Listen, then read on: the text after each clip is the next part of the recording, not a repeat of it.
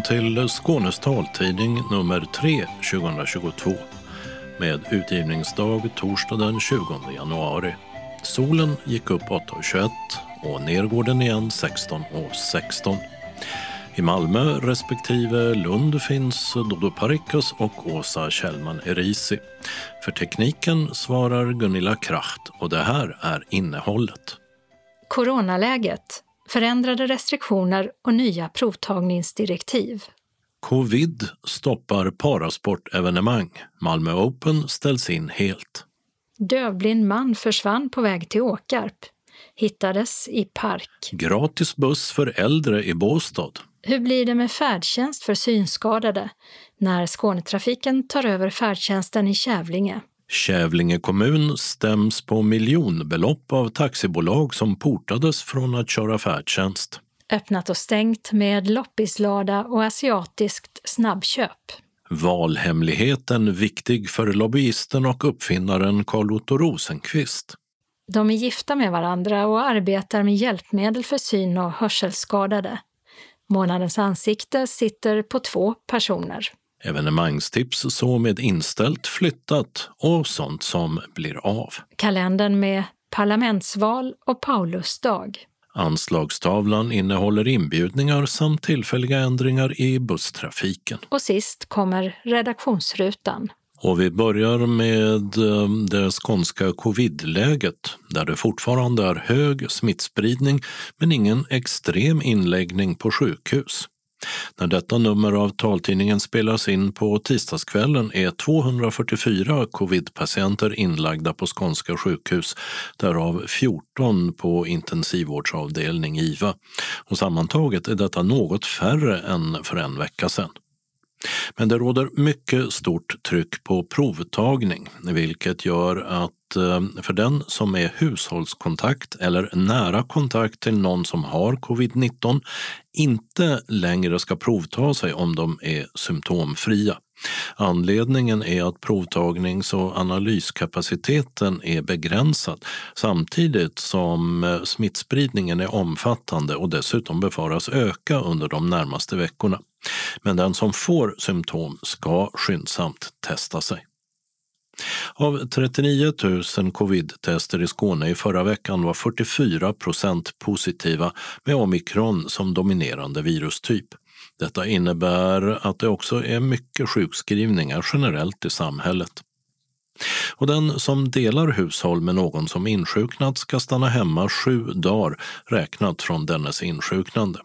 Om personen med covid-19 inte har symptom gäller sju dagar från denna persons provtagningsdatum för hushållsmedlemmarna alltså när hushållsmedlemmarna får gå ut igen. Två av de sju dagarna ska man vara symptomfri. När det gäller deltagande i allmänna sammankomster och offentliga tillställningar inomhus så har regeringen beslutat att max 500 personer får delta och det gäller när vaccinationsbevis krävs. För privata sammankomster är deltagarantalet sänkt till 20 personer. Undantag görs för minnesstunder och dylikt där upp till 50 personer tillåts delta.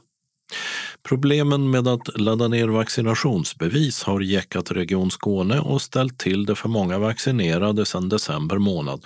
Men nu ska det åter gå att ladda ner vaccinationsbevis från E-hälsomyndigheten. Och vi ska också berätta att Skånetrafiken dragit in möjligheten att sitta i framsätet bredvid föraren för sina färdtjänstkunder. I februari skulle det varit dags för Malmö Open, ett av världens största parasportevenemang. Men det är inställt och de 1500 idrottarna som brukar komma från hela världen får stanna hemma även i år. Och som för ett år sedan är det pandemin som gjort att det inte blir något Malmö Open. Thomas Jönsson är FIF Malmös sportchef. Nej, jättetråkigt. Vi eh, tvingades i december månad att ställa in. Och ja, det tar emot hela vägen. Samtidigt så har vi som arrangörer också ett ansvar. Eh, så att vi hade egentligen inte mycket att be för när vi såg att eh, smittotalen ökade. När du säger inget val, då är det säkerheten för tävlande och personal och publik ni tänker på då kanske? Ja, men precis. Alltså, dels som internationell tävling så normalt, ett normalt år så samlar vi tävlarna från ett 30-tal nationer. Eh, och skulle de få komma in i Sverige och kommer de in i Sverige, vad har de med sig i bagaget då? Det vet vi inte. Så därför så kändes det det enda rätta. Vi har också, eh, säg 400 frivilliga funktionärer ungefär. eh, som ställer upp helt ideellt och säger att de skulle bli smittade genom Malmö Open skulle också kännas jättetråkigt. Förra året så blev det en eh, digital variant. Eh, blir det något liknande i år? Nej, det blir det inte i år. Eh, FIF står som lokala arrangörer av Special Olympics nationella spel i juni månad. Så att eh, egentligen köpte vi oss lite tid och kan vara med och förbereda det på ett bättre sätt också. Det ligger längre fram i tiden och vi har ju sett de två föregående åren att, att sommartid så har det ju varit rätt så lugnt ju. Men eh, vi vill ändå eh, kunna genomföra säkra spel och har olika utbildningar just nu i i crowd management bland annat för att säkerställa att det blir säkra spel. Blir det ett 2023 då, Malmö Open? Absolut, eh, tveklöst så. Och det arbetet har redan påbörjats. Och, eh, vi har både en plan A och plan B för eh, 2023. Eh, och där faktiskt plan B är att vi skjuter fram det så att det kommer närmare sommaren. Eh, bara för att säkerställa att vi kan genomföra det. FIF-hallen i övrigt och all träning och tävlingsverksamhet. Ni stängde ju eh, helt och hållet när pandemin bröt ut. Hur ser det ut idag? Eh, vi kör faktiskt på. Eh, i, i, ganska lugn takt om jag säger. Det är ju inga tävlingar och ingenting sånt där. Men det är träning inom grupperna i de olika idrotterna och motionsaktiviteterna. Eh, vi går ut och uppmanar alla medlemmar om att vaccinera sig. Eh, vi har inte infört vaccinpass eller så. Det är ganska svårt att hantera i de olika grupperna. Men eh, uppmaningar om eh, vaccinering har ju gått genom klubben eh, eh på ett väldigt tydligt sätt. Så att, och sen är det täta eh, dialoger med, med både ledare och, och, spelare och så fort det är någon som har förkylningssymptom så måste man stanna hemma. Så att eh, vi har givetvis haft eh, covid i de olika leden men eh, då är det liksom att snacka med var och en och se till så att de stannar hemma. Och, men eh, hittills ingen som har blivit allvarligt sjuk eller sådär. Det, det är ändå ett litet tecken på att det vi gör är rätt. Mm. Ni ställer in Malmö Open. Hur är det med tävlingar i parasport i olika grenar i Sverige och i världen nu? I princip obefintligt. På, på klubbnivå är det egentligen ingenting. Landslagsnivå, eh, vissa idrotter, framförallt inom vinteridrotten, som, som är igång. Men på, eh, på klubbnivå är det extremt lite. Eh, bordtennis liksom eh, eh, distriktsserier och annat är igång och eh, sådär. Men eh, det är ju inga resor eller sådär. Det är absolut ingenting utanför Skåne. Och, eh, all verksamhet för personer med, med intellektuella funktionsnedsättningar eh, är ju pausat vad gäller tävlingsbiten. Så att eh, det är ganska stillsamt. Samtidigt så får vi som klubb eh, chans att liksom utveckla. Vi stannar upp och tänker till och normalt sett så flyter det på ett jäkla tempo egentligen hela tiden. Så att, att FIF har lyckats med mycket under pandemin så att uh, det finns en hel del positiva effekter av det också. Mm. Men till sommaren då åtminstone hoppas ni att det värsta ska vara över och ni kan köra på igen? Då. Ja men så är det. Sen om det är över eller kommer till hösten igen vet vi inte. Men vi, vi, uh, vi har sett de två föregående åren att, att sommaren har det sett riktigt bra ut. Så att Eh, Eh, vi hoppas kunna ha ganska bred verksamhet i sommar. Sa Thomas Jönsson, sportchef på FIF Malmö. Det är nu alltså två år sedan den senaste och 44 upplagan av Malmö Open. Reporter var Mats Sundling. En 34-årig man från Malmö med mycket grav syn och hörselnedsättning som skulle till sina folkhögskolestudier i Åkarp kom i förra veckan bort och hittades så småningom i Slottsparken. Mannen uppges om morgnarna ta samma buss till skolan men denna dag var han inte med bussen som han brukar. Det berättade Evelina Olsson, presstalesperson vid polisen för TT. Och polisen gick ut med mannens signalement och på eftermiddagen lokaliserades mannen i Malmö av folk som sett honom och som ringde polisen, varpå 34-åringen kördes hem från Slottsparken av en patrull.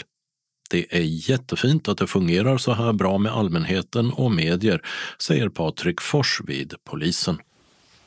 Den som är 75 år fyllda eller äldre och bosatt i Båstads kommun åker sedan årsskiftet buss gratis i kommunen. Det är kommunen som står för kostnaden och om ett år kan det komma att göras en utvärdering som ska visa hur mycket det kostar Båstad kommun. Det kommunala pensionärsrådets ordförande Lars Elofsson säger till HD att han hoppas att kortet därefter ska erbjudas även till yngre pensionärer. Det seniorkort som krävs för att kunna åka gratisbuss i Båstad ska ha skickats ut till de berörda pensionärerna. Kortet gäller även på pågatågen mellan Båstad och Förslöv. I Kävlinge kommun tar Skånetrafiken över ansvaret för att köra färdtjänsten den 1 april. Och Skånetrafiken har, som vi uppmärksammat i taltidningen, börjat avslå ansökningar om förnyelse från synskadade som länge haft färdtjänst. Detta med hänvisning till rättspraxis. I praktiken att om du kan gå så klarar du dig utan färdtjänst även om du är blind och inte kan orientera dig i okända miljöer. Ett fall av nekad förnyelse av eh, färdtjänst till en äldre blind man överklagades av den sökande som fick rätt i förvaltningsdomstolen i Malmö, varpå Skånetrafiken överklagade till kammarrätten. Samtidigt har det beslutats att Skånetrafiken ska tillfråga de kommuner som de kör färdtjänst åt huruvida kommunerna kan tänka sig generösare tolkningar och bevilja synskadade färdtjänst. Hur blir det då i Kävlinge? Vi ställde frågan till omsorgsnämndens ordförande Ann-Sofie Turesson, Moderaterna, som svarar så här i ett mejl. Kävlinge kommun har ingen annan uppfattning än att beslut om färdtjänst ska fattas enligt de regelverk som gäller. Vid eventuella oklarheter kommer kommunen framföra detta bland annat i Skånetrafikens kundråd. Och på en direkt fråga till Kävlinge kommun om de menar att den som är blind eller gravt synskadad och inte kan orientera sig i annat än mycket välkända miljöer även fortsättningsvis ska ha rätt till färdtjänst svarar Turesson de personer som har rätt enligt lagstiftning att få färdtjänst ska givetvis också kunna få det. Anledningen till att Skånetrafiken ska ta över färdtjänsten i Kävlinge är ju att kommunen sa upp sitt avtal med Trelleborgs Taxi eftersom man menade att bolaget skötte sina åtaganden långt ifrån korrekt. Och kommunen har nu stämts på 2,5 miljoner kronor av Trelleborgs Taxi för förlorade intäkter i samband med vad taxifirman betraktar som avtalsbrott. Helene Axelsson är inköpsstrateg i Kävlinge kommun. Det handlar om att eh, vi hävde avtalet i förtid.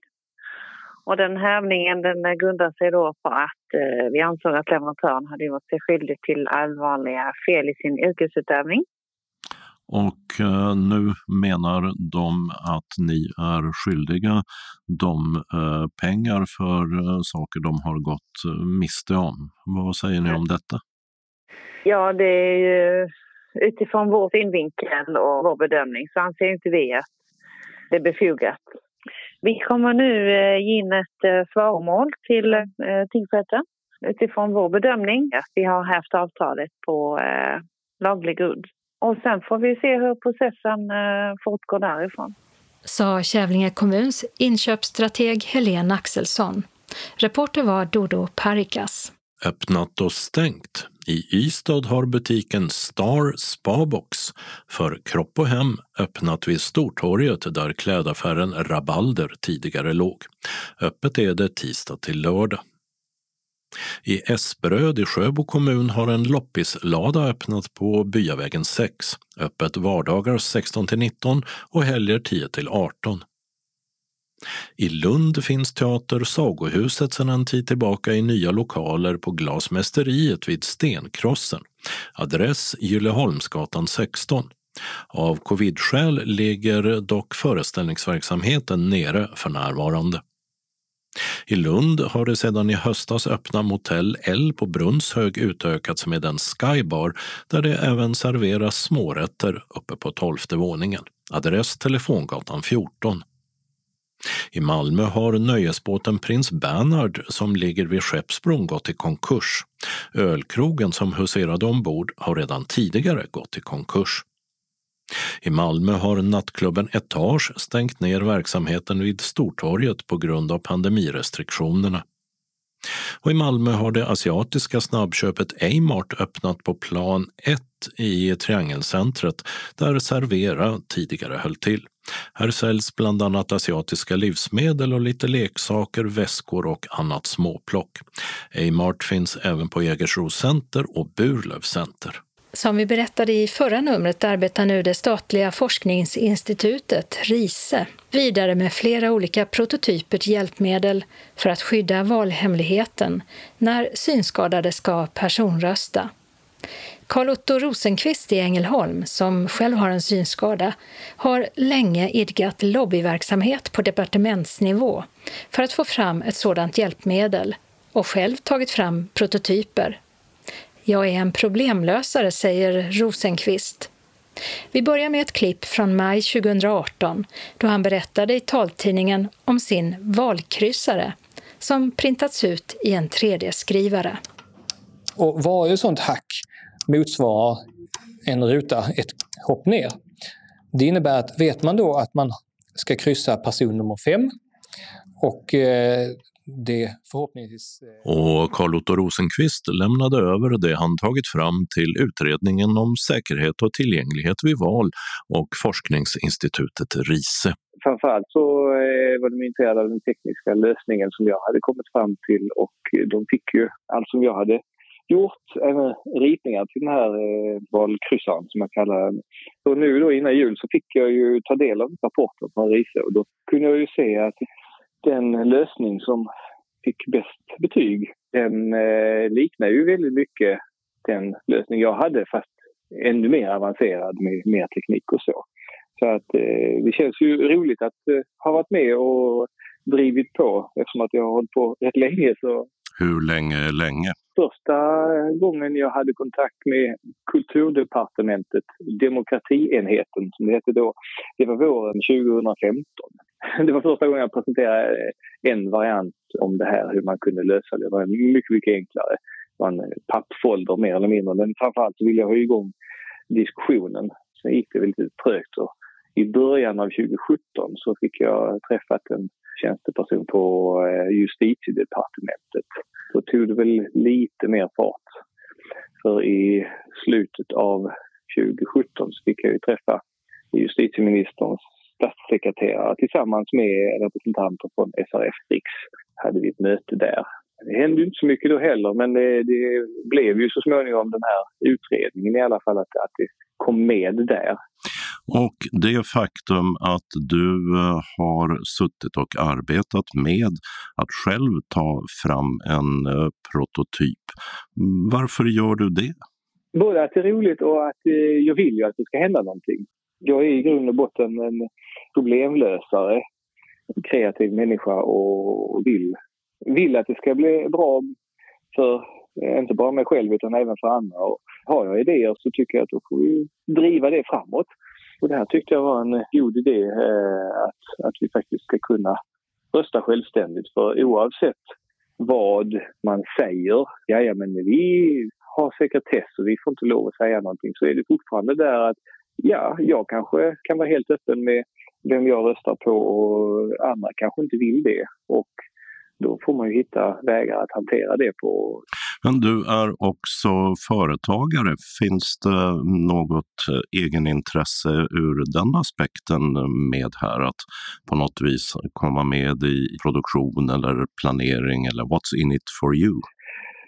Nej, det är det inte. För att skulle man komma eh, i fråga där så är det en extremt stor apparat. Vi pratar inte några enkla mackapärer utan då är det någonting helt annat. Och, eh, det var ju också därför som jag inte blev den som skulle ta fram de här prototyperna utan det var ju Riese.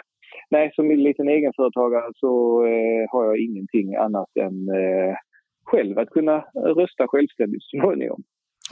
Att blinda synskadade på olika sätt är med och driver på utveckling för att hjälpmedel ska fungera och kunna tas fram. Hur viktigt är det?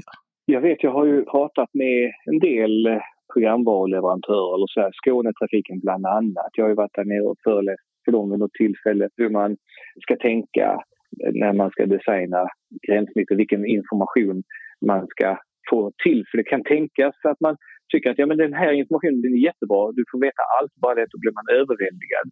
Så många sådana här användargränssnittsdesigners de har ju gått kurser i så kallad universell design och så har de fått lära sig lite olika handgrepp och lite tankar och så vidare. Men när man inte lever med det dagligen utan man får bara reda på, ja men gör så här och tänk så här så blir det bra.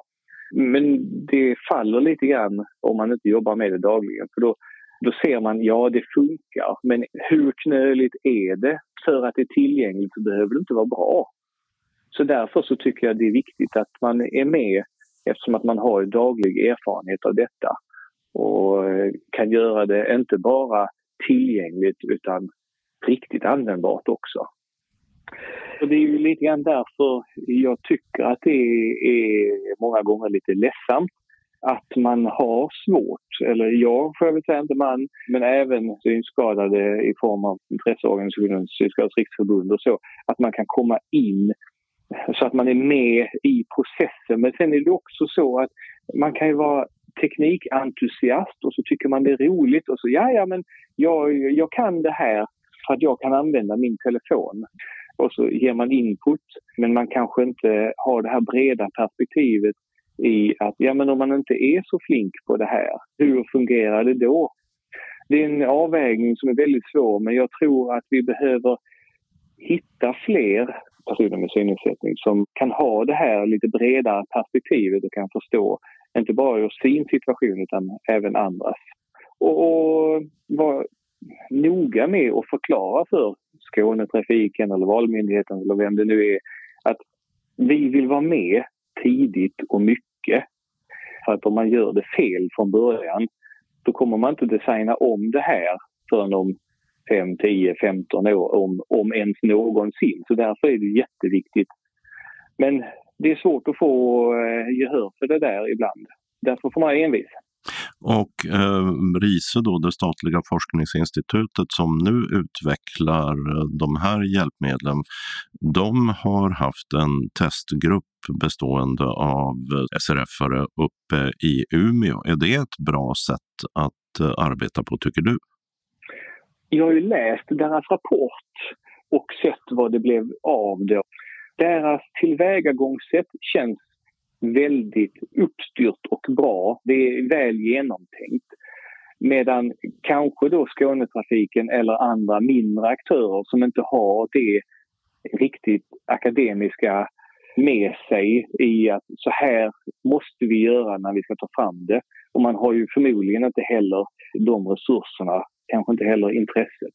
Så jag tror att Rise, eh, de har varit eh, mycket konstruktiva och eh, hanterat på ett bra sätt. Men det är väl kanske mer ovanligt. Eh, vanligare är väl att de får in någon som har de här kurserna i universell design eller så. Ja, men du kan väl fixa någonting. Och sen så får den lite grann hålla på. Så säger man hej, vi vill ha testpersoner och så får de lite svar därifrån.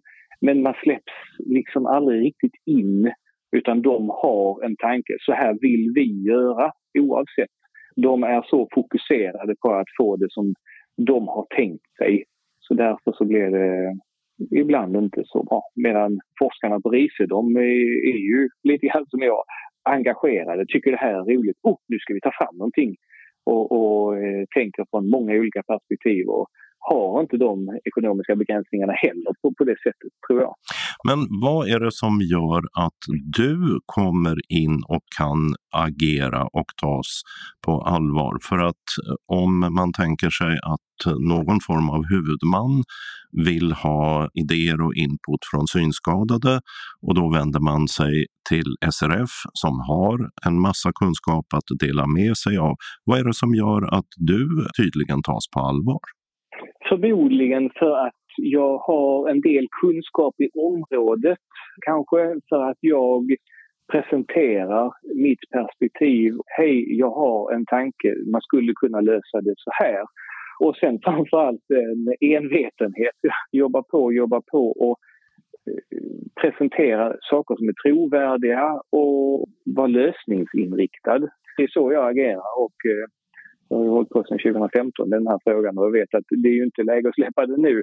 Utan eh, valutredningen säger ju att man ska skyndsamt fortsätta med utvecklingen av de här prototyperna så att man kan testa det. Och, och den kommer jag väl att ligga på också just för att inte tappa farten. Det sa Carl-Otto Rosenqvist om att som enskild problemlösare lobba för skydd av valhemligheten för synskadade och det pågående arbetet med vidareutveckling av prototyper för hjälpmedel för personer med synskada beräknas kunna leda till testning vid valet till Europaparlamentet 2024.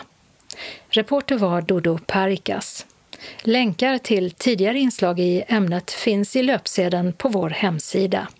Månadens ansikte denna gång är inte ett, utan två.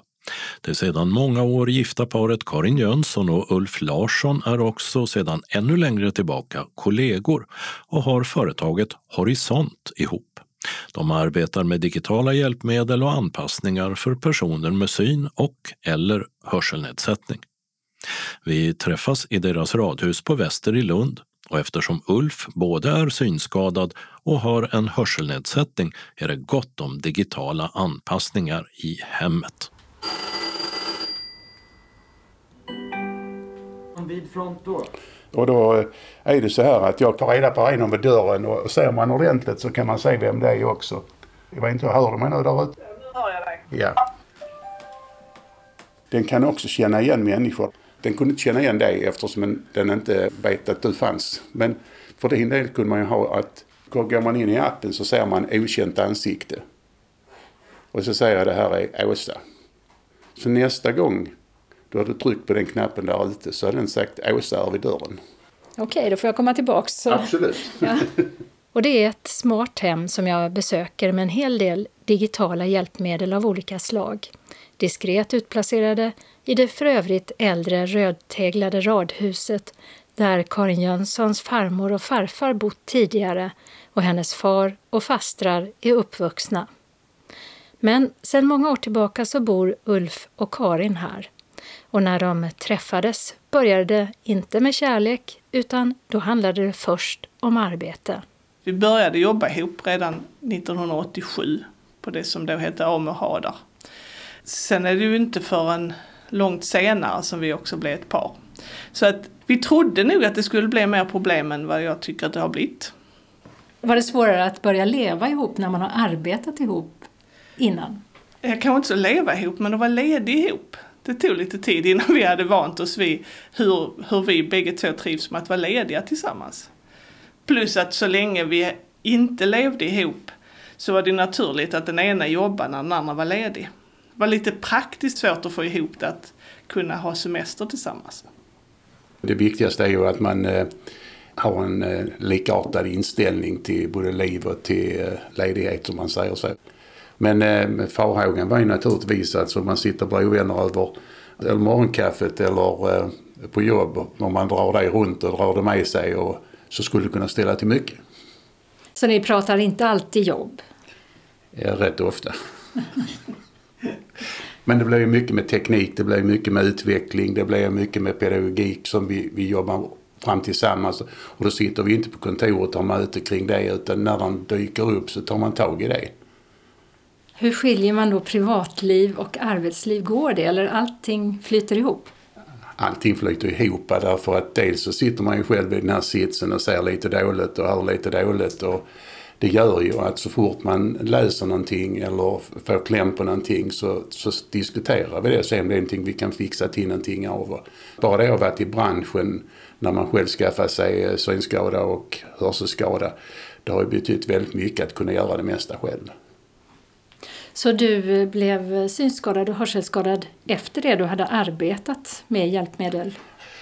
Alltså synskadan har jag egentligen haft med mig men eh, jag körde ju bil fram till 1980 och sen gick inte det längre. Så eh, hörselskadan har kommit senare och det är ju en, eh, en bullerskada tror jag i alla fall. För jag jobbade på Trelleborgs gummifabrik så körde truck och stod i verkstaden och jobbade där. Så att jag tror det har kommit där.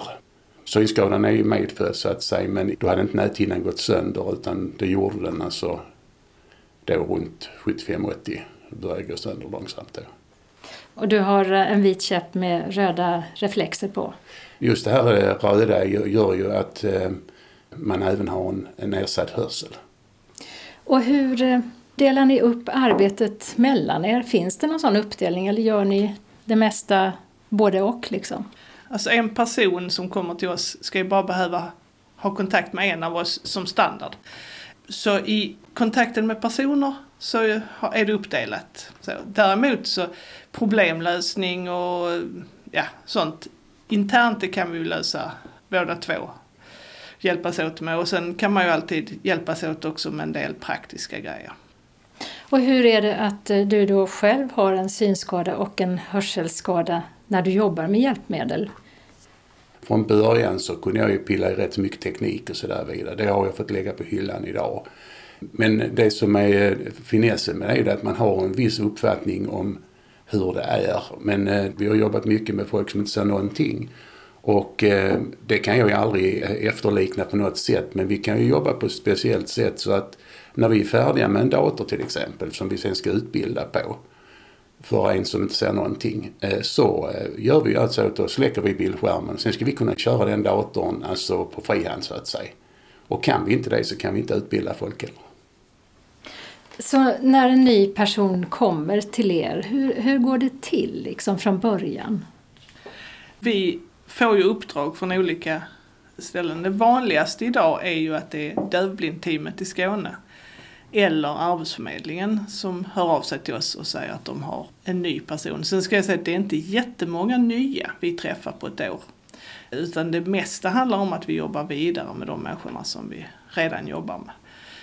Men när man då kommer så börjar man ju normalt att man sätter sig ner och pratar och försöker plocka ut vad, vad vill den här personen, vad finns där för, för drömmar, för önskemål, för problem så att man, man löser verkliga problem och inte håller på att lösa de problemen jag hittar på kanske finns.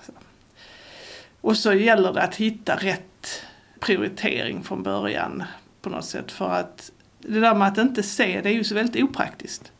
Vi tar ju in så mycket överblick med synen. Så man får kompensera inte med hjälpmedel utan med kunskap. Så det är så mycket man måste lära sig. Och det går ju, men då måste det vara så att man satsar energi på det som är allra viktigast för den personen och som kan snabbt ge nytta tillbaka.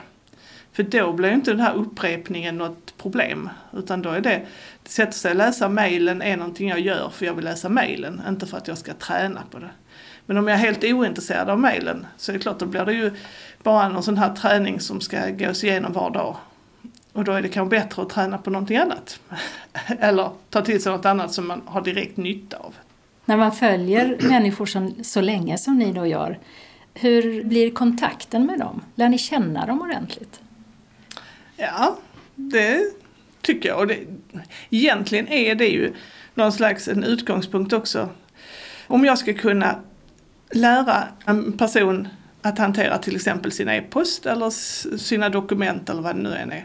Då sitter vi ju ofta hemma hos den här personen eller på den personens arbetsplats och vi jobbar med riktiga saker, det vill säga riktiga mejl och så vidare. Och då kommer jag ju väldigt nära och in på saker som är väldigt privata.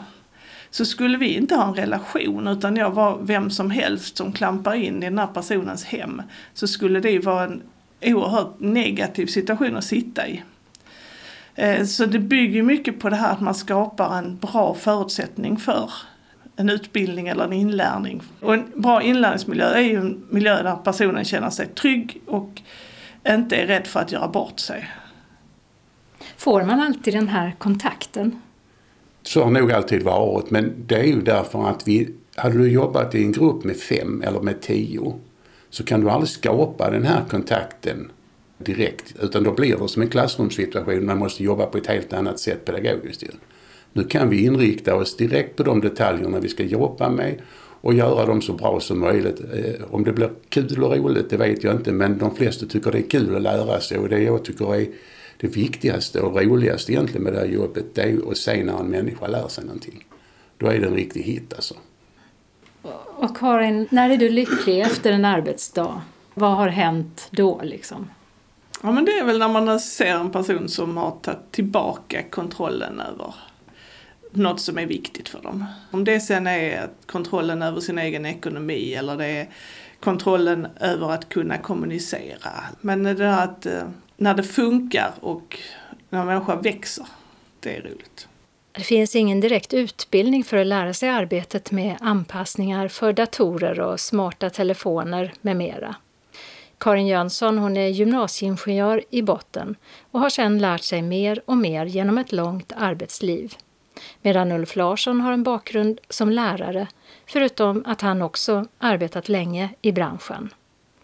Och så kommer vi till den där frågan alla månadens ansikte får och som en del tycker är lite klurig att svara på. Hur ser du ut? Ja, 1,72 lång, lite kraftigt byggd, rätt så kort, lite lockigt hår när det är kort. Det rakar när det blir längre. Mörkbrunt kan man väl säga att det är. Blå ögon. Idag har jag en jeansskjorta, har jag gärna när jag jobbar, och en blå t-shirt. Och så jeans som byxor. Jag fick lite syn tillbaka när att jag blev starropererad och eh, då fick jag färgseende tillbaka. Och när jag kom hem och slog på ljuset inne på toaletten med spegeln så tittar man in i spegeln och så sa man, och vem är du? Jag har inte sett mig ordentligt alltså på så många år så att det är... Däremot så, jag går ju oftast klädd i jeans, t-shirt och jacka i princip. Det är eh, standard. Och det ska vara lätt klädsel. Så kommer man ut på jobb någonstans så ska man kunna krypa ner under bordet och in bland sladdar som behövs fixas till och så där vidare. Och då går det inte att vara finklädd. Och sen är du lite skäggig? Ja, det går lite upp och ner och just nu börjar det bli lite kallt så, så fick det växa till lite. Men det, det, det kommer att försvinna antagligen det med våren. Och du har glasögon? Ja, det har jag. Det är, dels för att skydda ögonen så att säga och dels för att inte få så mycket drag in i ögonen när det blåser ute så att säga. Jag eh, tror att jag har blå ögon. Jag är blåögd alltså. Jag är eh, 1,81 enligt passet om vi nu ska hålla oss där. Och så eh, har jag skaffat mig några kilo för mycket. Det är ju väldigt mycket kontakt med personer och, och, och, kontakter som då blir ganska djupa.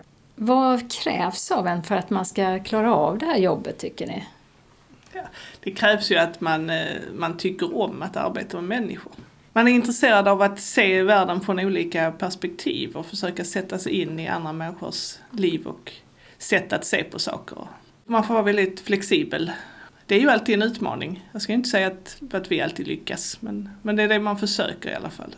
Det vi gör kan göra skillnad på ett positivt sätt. Det gör ju också att det kan göra skillnad på ett negativt sätt om det inte fungerar. Och det i sig är ju det som är det största problemet kan jag tycka. Det negativa, då frågan är var glad. Men när man är stressad, det är ju när det inte fungerar för de här människorna vi jobbar med. Och hur eh, håller man då distans till jobbet om det blir för mycket sånt här? Att nej, men nu funkar inte datorn, nu eh, ja, har det här och det här hänt. Kan man göra det på ett bra sätt när man då har ett eh, eget företag och båda jobbar i det och så? Alltså det här med eget företag tror jag spelar mindre roll för jag vet att det var precis samma problem när vi var anställda på Hadar. Däremot är ju sanningen att det, det, går inte att hålla en riktig distans till det utan det gnager. Däremot kan man ju lära sig att, att leva med det och att ha ett bra liv ändå. Men eh, man får också inse att från det här positiva är att kunna göra ett jobb som gör skillnad så kommer också en stress i att det kan också göra skillnad på andra hållet när, när jag inte räcker till. Så vad gör ni när ni vill vara helt privata och eh, inte ha någonting med jobbet att göra? Då brukar vi åka ut till Österlen och eh, koppla ner där. Inte koppla upp utan koppla ner? Ja, vi är uppkopplade där också naturligtvis. det är ju att man tar ett miljöombyte och om jag rör mig där ute kan jag röra mig i en bilfri miljö helt och hållet ju. Här är ju en pers när man ska gå till jobb och sådär vidare. Så. Det är också sånt som ligger i mig sen barnsben att när man kommer ut på Österlen så kopplar man ner. Det funkar rent fysiskt av sig själv att kroppen går in i en annan mod och även huvudet. Och sen eh, kör du motorcykel också? Ja, det gör jag. Inte nu på vintern men eh, när det är rätt väder så kör jag gärna motorcykel. Det är också något som man är man är extremt närvarande i nuet. Det går liksom inte att göra något annat än att fokusera på det man gör. Och då eh, kan jag ju också konstatera att jag kan vara på dåligt humör när jag sätter mig på motorcykeln och jag kan vara en helt annan person när jag kliver av en timme senare. Lite avkopplad och glad. åker du med? Jag har själv kört en gång i tiden men eh, jag sa då på den tiden att jag kommer aldrig att åka motorcykel i alla fall för det är körningen som är det häftiga. Men man är inte sämre än man kan ändra sig faktiskt. Sen har vi då byggt in ett intercomsystem så att eh, Karin kan berätta för mig vad det är vi passerar och vilket slott vad det är eller vilken by vad det är. Alltså så, så får jag en viss uppfattning i alla fall om var vi är och vart vi är på väg. Det här radhuset som vi sitter i då, vi sitter i, i köket som har en väldigt varm, så nästan lite ockra färg. Men det här huset, det har funnits länge i din släkt? Ja, det var min farmor och farfar som var med när det byggdes 39-40. Och sen eh, när farfar då som den sista av dem dog 2004 så, så köpte jag det. Och hur är det att bo i ett hus som ens farmor och farfar har bott i? Ja, för mig är det bara positivt. Det är mycket själ i det här huset som ger mig någon slags lugn och eh, värme. Jag hann ju bli vuxen och har en vuxenrelation till både farmor och farfar så, eh, så kan jag ju också inuti mitt huvud ha diskussioner med dem när jag vill göra förändringar här och så. Precis som jag får diskussioner med Ulf och precis som Ulf så vet jag för det mesta vad de svarar. Men det spelar ingen roll också för de har sålt huset till mig så att det är kul för mig att veta vad de tycker eh, men jag behöver inte alltid lyda. Liksom. Det är inte så att jag har några problem med att göra förändringar av den anledningen. Men den här eh, kommunikationen då som du på något sätt har, vad, vad kan det handla om? Säg som när vi skulle dra in eh, fiber här. Då vet jag liksom att jag kände rent fysiskt hur oerhört glad farmor var för det och hur onödigt farfar tyckte att det var. Ibland är de överens om att, att jag gör fel och ibland så, så är de överens om att jag gör rätt. Man får ha den diskussionen men som sagt det är, inte, det är inte så att jag känner att jag bor i ett museum. Och det hoppas jag att inte Ulf heller tycker utan det är, det är mer en positiv relation till, till de som har haft huset innan. Eh, och Ulf, känner du att du bor i ett museum? Nej då, vi har ju anpassat det här så det passar mig till exempel. Va? Och det är ju det som har varit viktigast att eh, vi, vi, har ett eh, levande boende som vi kan förändra i efterhand. Annars skulle det inte funka, alltså med synhörseldelarna som inte funkar. Skulle du kunna visa mig runt lite och berätta om de här anpassningarna som ni har då? För min del är det så, så att jag behöver jättemycket ljus för, för att kunna använda den synen jag har. Och då eh, så har vi kopplat in matematik så när man kommer in i ett rum så tänds där ett ljus som inte är bländande och beroende på vilken tid på dygnet det är så hur mycket ljus som flödar fram. Så att eh, det fort rör dig så tänds det när det är mörkt. Okej okay, Google. Börja städa. Okej, okay, start electrically Alice.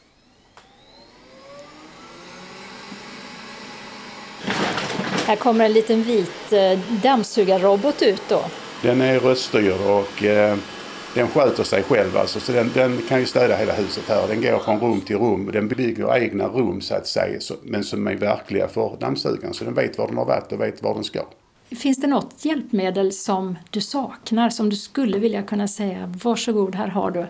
Framförallt så saknar man ju mycket enkla lösningar som är stabila. Det är frustrerande med, oavsett om vi pratar smarta mobiler eller datorer så kommer det hela tiden nya funktioner och nya möjligheter men det gör ju också att det kräver omlärning. Jag skulle vilja ha ett system som är taktilt, som går att känna på, som går att vara trygg och som funkar likadant var dag. Och finns det något hjälpmedel som är undervärderat, alltså något som bara är så bra men det vet inte så många om? Det som häftigaste hjälpmedel jag varit med om de senaste åren det är ju de här eh, assistenterna. I Sverige blir det ju Google-assistenten, alltså en röststyrd assistent som har den stora poängen att du kan inte göra fel. För många med grav synnedsättning så har ju inte internet och all information där varit tillgängligt därför att internet har ju varit så komplicerat eftersom varje sida är annorlunda ut och man måste lära sig varje sida. Nu kan man sitta i köket precis som vi som har sett har gjort i ett antal år nu och kommer man att börja diskutera någonting när sjönk eh, regalskeppet Vasa så diskuterar man inte längre utan man slår upp det. Jag har aldrig varit med om ett hjälpmedel som jag sätter ut till folk som de efter en vecka inte är stressade över utan säger att den här får du aldrig ta tillbaka. Det finns ju ingen som förskriver Google-assistenter men jag har ju möjlighet att hjälpa folk att komma igång eftersom jag vet hur man gör. Det är ju det som behövs. Man behöver bara hjälp att komma igång och veta att det finns. Och sen är det ett självgående liten puck som bara kan tillföra det som vi andra har haft med oss ett tag nu. Man bara säger hej Google och då pinglar den till och sen så antingen ställer jag en fråga eller vilken musik jag vill höra. Så att det är en fantastisk grej. Okej Google. God morgon. Hejsan Karin. Klockan är 11.16. Just nu är det fyra grader och soligt i Lund. Ha en trevlig dag. Och vad säger folk när ni då kommer med en sån här lösning om de inte har vetat om att det finns? Jag har en kompis i Trelleborg som har blivit av med synen och sen tog vi ner den här eh, och satte igång den. Jag har aldrig sett en lyckligare människa för att kunna styra hela hemmet själv. Om du till exempel får för dig att du vill spela lapplisa, var ska du hitta lapplisa någonstans? Säger man till Google, okej okay, Google, spela lapplisa. Ja, visst, här är lapplisa på Youtube Music. Vid tolv års ålder en liten flicka med korg på armen Okej okay, Google. Stopp. Där gick gränsen.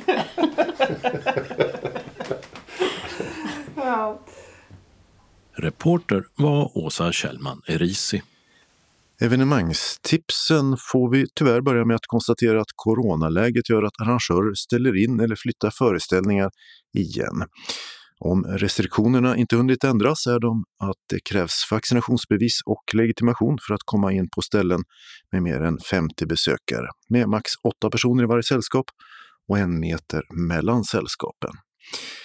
Victoriateatern i Malmö har till exempel ställt in alla föreställningar i januari och hela februari. De hänvisar till att smittspridningen nu gör att de ändå inte vet om föreställningarna går att genomföra. Och att restriktionerna säger att det går att genomföra konserter om man följer restriktionerna. Samtidigt som alla avråds från att befinna sig inomhus med vuxna man inte känner. Något som teatern inte riktigt får att gå ihop. Så nu ställer de alltså in och återbetalar alla köpta biljetter. KB i Malmö har ställt in konserter och pausat försäljningen till alla i februari. Medan Kulturkvarteret i Kristianstad flyttar ett antal föreställningar i februari. Men inga som nämnts i de här tipsen. Så det är alltså bäst att hålla koll om man vill ge sig ut med andra ord. Vi har tidigare tipsat om Björn och Bennys musikal Chess på svenska på Helsingborg Arena som flyttats fram en gång till den 11 och 20 februari. Och nu blir det ytterligare en flytt med föreställningar inplanerade mellan den 30 juni och 10 juli. Och det blir både kvällar och matinéer. De som har köpt biljetter till februari kommer att kontaktas av arrangören via e-post. Och det finns också nya biljetter att köpa via Nortic. Uppträder gör fortfarande Loa Falkman, Gunilla Backman, Anders Ekborg, Kalle Leander, Gert Fylking och Caroline Dons. Vi har tidigare också tipsat om att Melodifestivalen kommer till Malmö, men det har pandemin satt stopp för.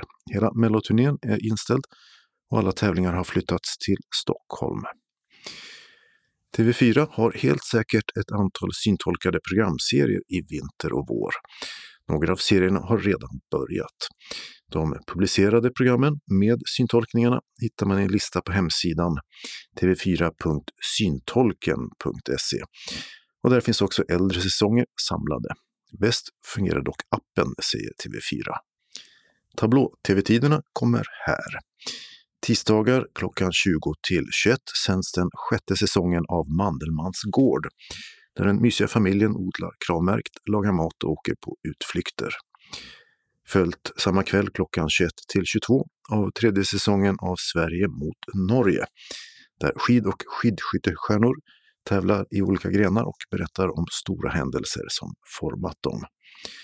Onsdagar klockan 21 till 22 går Renés brygga där René Nyberg bjuder in kända svenskar för förtroliga samtal. Och fredagar klockan 20 till 21.30 sänds den elfte säsongen av Talang, där förhoppningsfulla underhållare i alla åldrar blir bedömda av en kändisjury. Den 24 februari är det premiär för Elitstyrkans hemligheter Sverige, där gamla elitsoldater utsätter 18 kvinnor och män för hårda prövningar. Det tuffaste programmet i svensk tv, utlovar fyran. Och det går på torsdagar klockan 21 till 22. Dagen efter, den 25, går vinterns enda syntolkade film på fyran. Flykten till framtiden från 2016. Året är 1973 och 22-åriga Svante jobbar i skivaffär när han får beskedet att han bara har några dagar kvar att leva. Mitt i bedrövelsen öppnar sig plötsligt en möjlighet att resa till framtiden, till år 2016. Och där träffar han Elsa. Fredag den 25 februari alltså går den med start 21.30. Och för att få syntolkningen till den filmen behöver man appen Movie Talk. Utbildningsradion UR har några syntolkade tv-program om klimatförändringarna och vad man som privatperson kan göra åt dem. Serien Klimatkampen har redan börjat sändas på SVT 24 på onsdagar klockan 20. De fyra aningslösa kändisarna Claes Malmberg, Arja Saijonmaa, Filip Lamprecht och Nicky Amini flyttar in på en ekogård med utmaningar ledda av Mark Levengood. Klimatforskaren Johan Kuylenstierna och 11-åriga Ellen ska deltagarna få hjälp att tänka och göra rätt till exempel med att minska matsvinn och sortera sopor. Syntolkningen till den här serien är gjord av Stina Lundin och den är uppläst av Matilda Kärneld. Hela serien finns att se på urplay.se och prenumeranter på vårt nöjesmail får en direktlänk i ett Word-dokument. Där finns också då på Urplay alltså korta klipp med kringmaterial som heter Klimatkampen förklarar. Och en länk till det följer här för prenumeranterna av Nöjesmejlet. För barn finns på tv en serie på samma tema kallad Klimatkompis syntolkad. Den sänds bara på urplay.se och har premiär torsdag den här veckan den 20 januari. Klassen utmanas att lösa uppdrag av programledaren Farah Abadi. Och de får se hur långt man kan nå om de återvinner, samlar in och ändrar sin användning av plast. Syntolkningen är här gjord av Helena Frank och är uppläst av Matilda Kärneld. Men det finns lite live-evenemang som i talande stund i alla fall ska bli av. Söndag den 6 februari kommer det brittiska bandet Manfred Manns Earth Band till The Tivoli i Helsingborg. Biljetterna kostar 460 kronor och finns hos Tixter. Konserten startar klockan 21. På samma scen spelar torsdag den 10 februari den skånske rockaren Osler som nyligen släppte en ny platta som fick beröm i pressen. Start 20.00 och inträdet är 250 kronor. Dagen efter, den 11 februari, spelar hårt rockande Mustasch med Bye Bang som förband från klockan 20. Biljetterna hit kostar 395 kronor. Och fredag den 25 februari kommer Miriam Bryant sjunga från klockan 21 och hit är inträdet 595 kronor. Konserterna sänds också som Facebook-event. Till Mejeriet i Lund kommer nämnde Osler fredag den 11 februari och Miriam Bryant den 24 februari. Tixter säljer biljetter för snarlikt pris även här. Konsertstarterna är klockan 20. Tisdag den 1 mars kommer den finlandssvenska författaren Monica Fagerholm till Kulturkvarteret i Kristianstad för att prata litteratur på bistroscenen mellan klockan 18 och 19. Fagerholm har bland annat skrivit Underbara kvinnor vid vatten, som också blev film, och Vem dödade Bambi? Det är fri entré till detta. Den ryska världsopranen Anna Netrebko och hennes make, den azerbajdzjanska tenoren Yusuf Eivasov, ger en konsert på Malmö Arena i Hyllie den 4 mars klockan 19.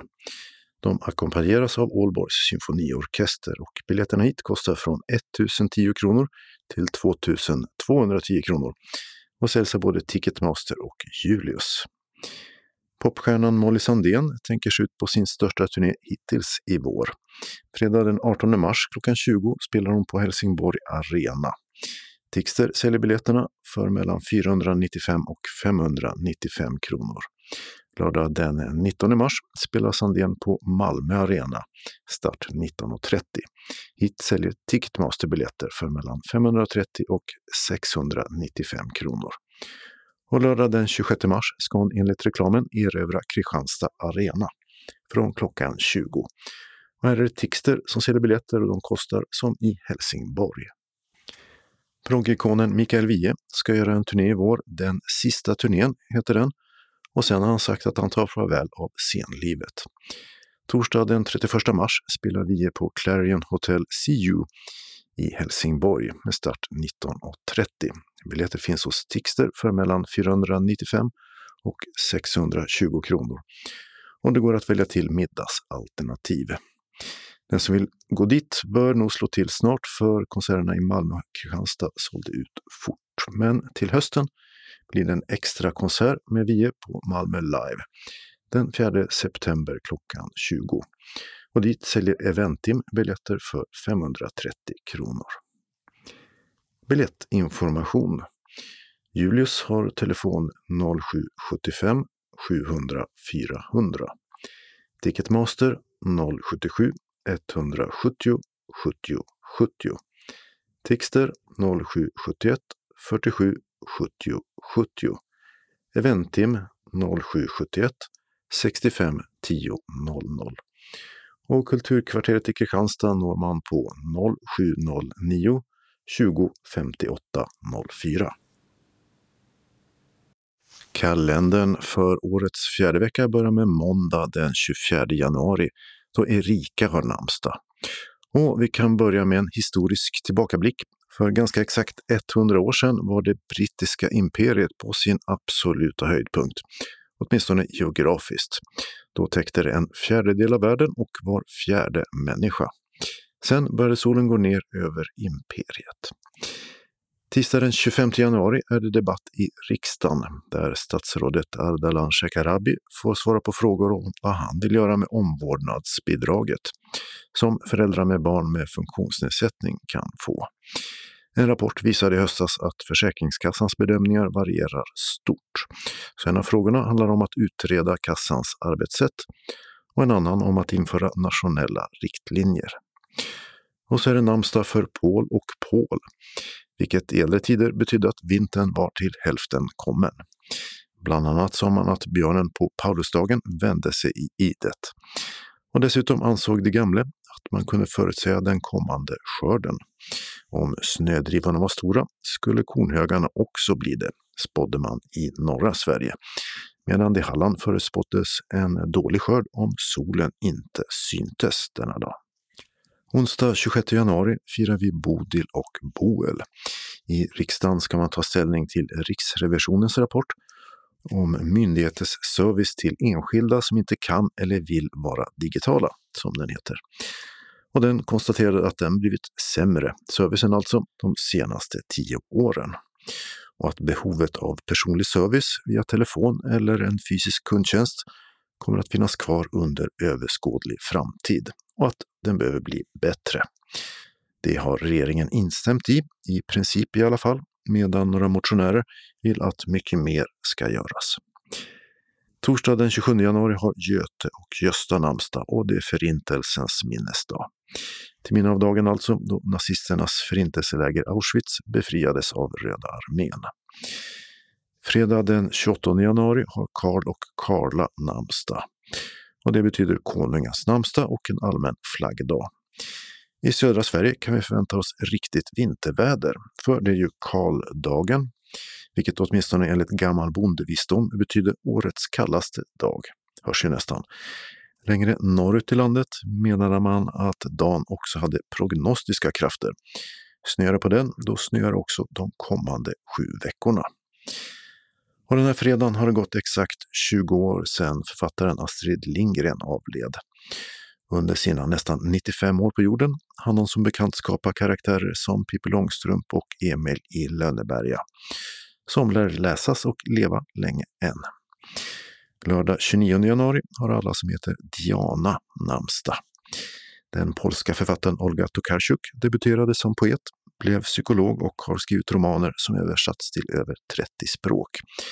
Som till exempel Löparna, Jakobsböckerna och Styr din plog över de dödas ben. Den sistnämnda blev också till långfilm med manus av Tokarczuk själv. 2018 fick hon Nobelpriset i litteratur och den här dagen fyller hon 60 år. Söndag den 30 januari är det parlamentsval i Portugal. Det är ett nyval eftersom den socialistiska minoritetsregeringens budget föll i höstas. Premiärminister Antonio Costa vill ha ett nytt mandat och han utmanas i första hand av Socialdemokraterna, vilket i det här landet betyder ett liberalkonservativt parti. I Paris tävlar man om Prix d'Amérique, ett av världens mest prestigefyllda travlopp. I Melbourne spelas final i Australian Open, en av tennisens största turneringar, fast utan världsettan Novak Djokovic då. Han utvisades ju landet i veckan. Stjärnan med störst lyskraft tycker många är brittiskan Emma Raducanu, som i somras vann US Open blott 19 år gammal. Och så är det final i handbolls-EM för herrar som just nu spelas som bäst. Kanske rent av med Sverige som vinnare. Den brittiska skådespelerskan Vanessa Redgrave har gjort en lång rad filmer och för sin biroll i dramat Julia fick hon 1977 en Oscar. Fast mest ihågkommen är hon kanske för sina insatser i den romantiska kostymfilmen Howard's End eller kultfilmen Blow Up från 60-talet. Nu fyller den gamla kommunisten Redgrave 85 år och skådespelar, det gör hon än. Namnsdag denna dag har Gunilla och Gunhild.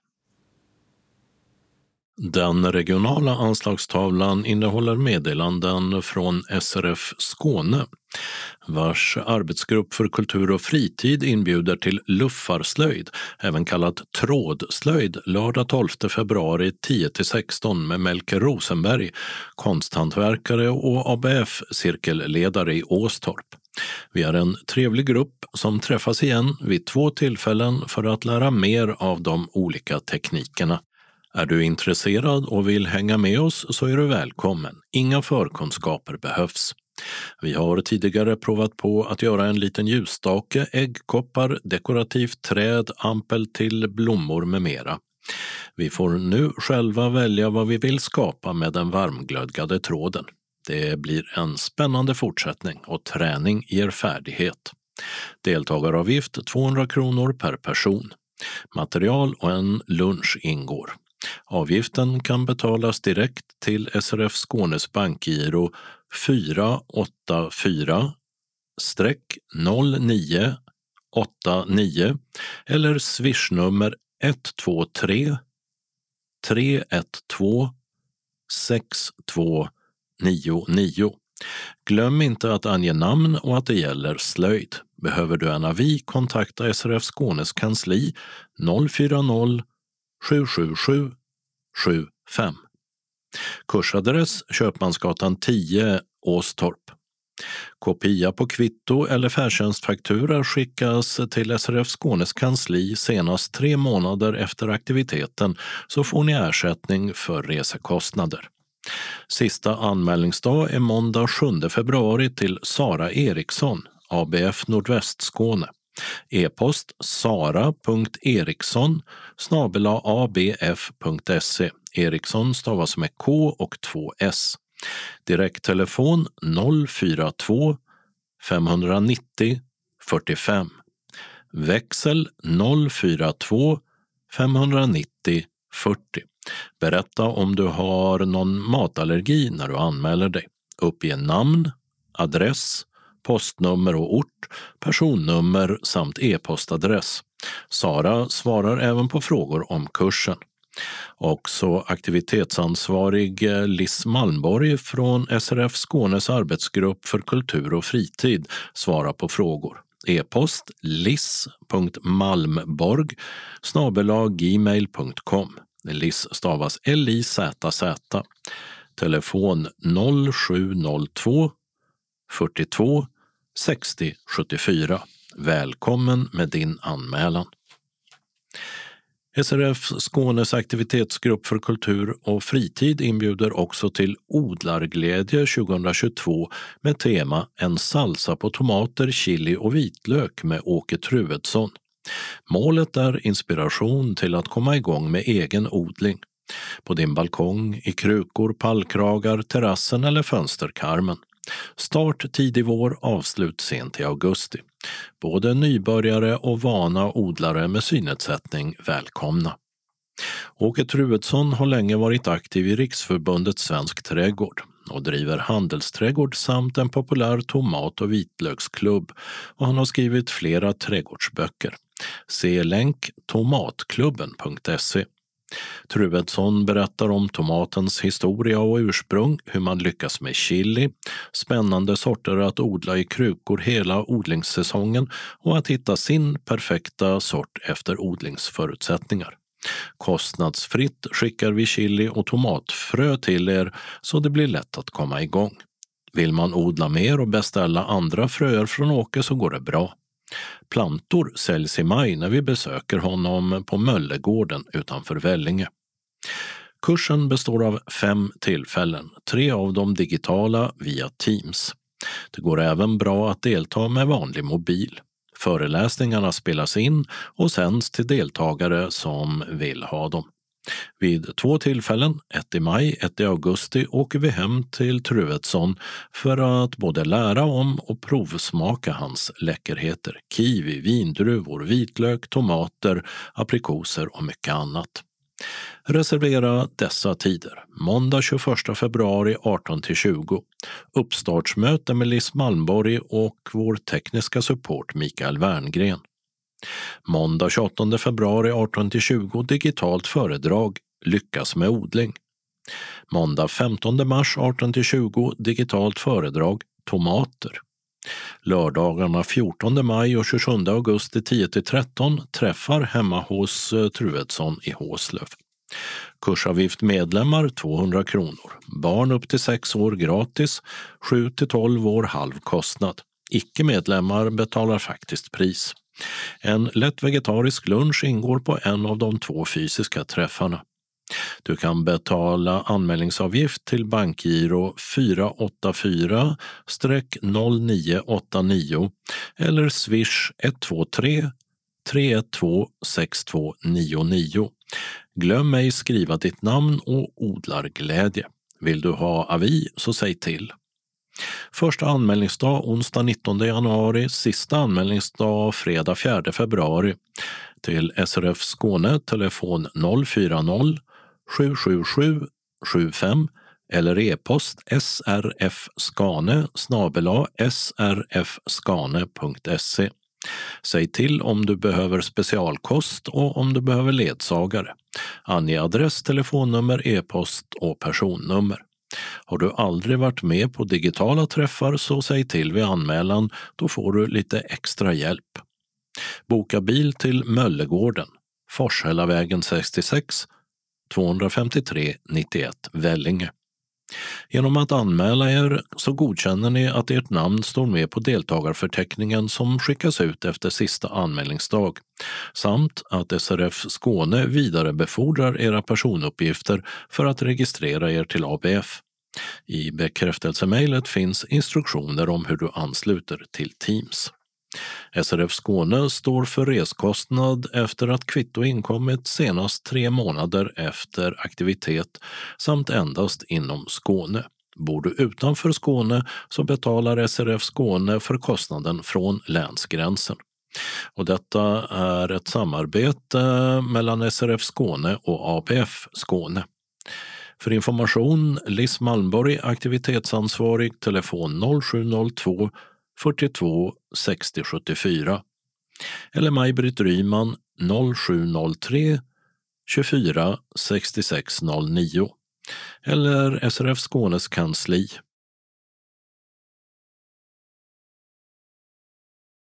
Den eh, lokala anslagstavlan är gemensam för hela Skåne och innehåller meddelanden från SRF Lundabygden, SRF Malmö Svedala och ändringar i busstrafiken på lite olika håll i Skåne.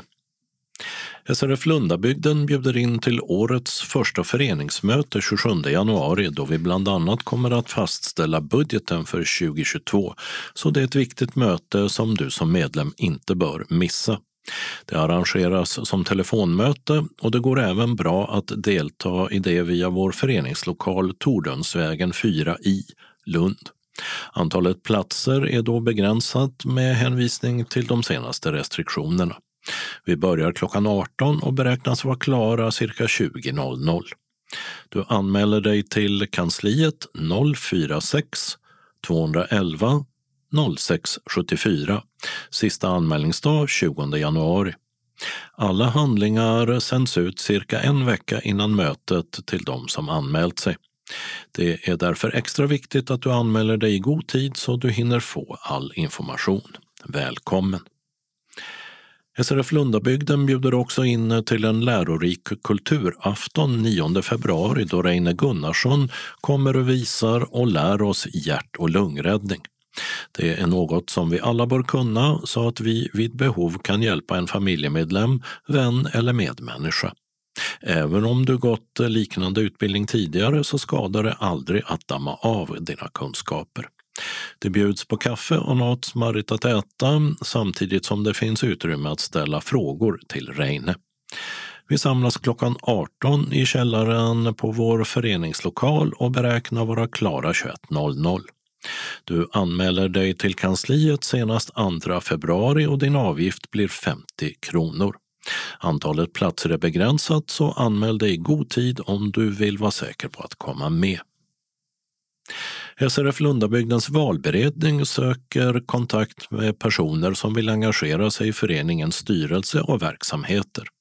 Vid årsmötet 12 mars är det dags att välja en styrelseordförande på ett år samt fyra ledamöter, varav tre på två år och en på ett år. Du som är intresserad av att engagera dig i Lundaföreningens styrelsearbete kan anmäla ditt intresse till någon av oss i valberedningen, hälsar Ann-Kristin Fast 0703 14 14 56 Torgil Möller 0725 72 27 95 och Birgitta Ekenberg 073 222 68 74. SRF Malmö Svedala hälsar välkommen till sin dagverksamhet vecka 4. Vi serverar kaffe och smörgås eller kaka för 10 kronor. Vi vill att alla anmäler sig till kansliet telefon 040 25 05 40 om man tänker komma på någon dagaktivitet senast klockan 10 samma dag som aktiviteten. Känner man sig sjuk stannar man hemma. Måndag 24 januari 13 15 blir det tidningsläsning och eller frågesport. Och tisdag 25 januari 13-15.15 blir det bingo. SRF Malmö Svedala har också en inbjudan till hjälpmedelsvisning. Fredag 28 januari kommer Polar Print att hålla en sådan i vår lokal på Wendelsfridsgatan 13, Malmö. Nyheter inom både förstorings och punkthjälpmedel kommer att visas samt Daisy-spelare och orienteringshjälpmedel. Det kommer att vara två visningar klockan 13.00 och 15.30 med max 20 personer per visning om inte restriktionerna hinner ändras på grund av corona. Polarprint bjuder på lite fika. Är du intresserad eh, av detta så anmäl dig till kansliet senast tisdag 25 januari. Glöm inte att meddela eventuella allergier. Vi har några tillfälliga ändringar i busstrafiken eh, som eh, gäller eh, Helsingborg, Mölle-Höganäs, Röstånga och Svalöv. I Helsingborg är det vägarbeten på Larmvägen och hållplats Frontgatan för stadsbuss 7 läge B, riktning Gustavslund-Långeberga, är flyttad 70 meter framåt i färdriktningen, söder om eller bortom korsningen med Revärgatan. Arbetet är påbörjat och beräknas vara klart 11 mars klockan 16. För linje 222 mellan Mölle och Höganäs är hållplats Margreteberg avstängd i bägge riktningar på grund av hållplatsombyggnad. Resenärer hänvisas till hållplats Höllviksgatan i bägge riktningar, cirka 300 meter norrut, alltså mot Mölle på Kullagatan. Arbetet påbörjades 19 januari på morgonen och ska vara klart sista april 16.00. Hållplatsombyggnaden för Friluftsbadets hållplats i Röstånga i bägge riktningar som skulle varit klart 21 januari är förlängt till 26 januari klockan 16. De tillfälliga hållplatslägena 180 meter norrut mot Röstånga är kvar till dess. På grund av ombyggnadsarbeten i Svalöv är hållplats Prästgårdsvägen läge A i riktning mot Landskrona för regionbuss 240 tillfälligt flyttad 90 meter framåt i färdriktningen på Rönnebergavägen till och med 1 februari 07.00. Samma datum 16.00 flyttas hållplats Prästgårdsvägen läge B riktning Svalöv tillfälligt 70 meter bakåt. 15 februari ska det vara klart. Och det var allt från Skånes taltidning för den här gången. Nästa nummer kommer torsdagen den 27 januari. Skånes taltidning ges ut av Region Skånes psykiatri och habiliteringsförvaltning. Ansvarig utgivare är Martin Holmström. Postadress Jörgen Ankersgatan 12, 211 45 Malmö. Telefon 040-673 09 70. E-post Skanes taltidning skane.se och hemsida skanestaltidning.se. Observera att CD-skivorna inte ska skickas tillbaka till oss. Såväl skivor som kuvert kan läggas i brännbara sopor när ni inte längre vill ha dem. Vi hörs igen. Hej då!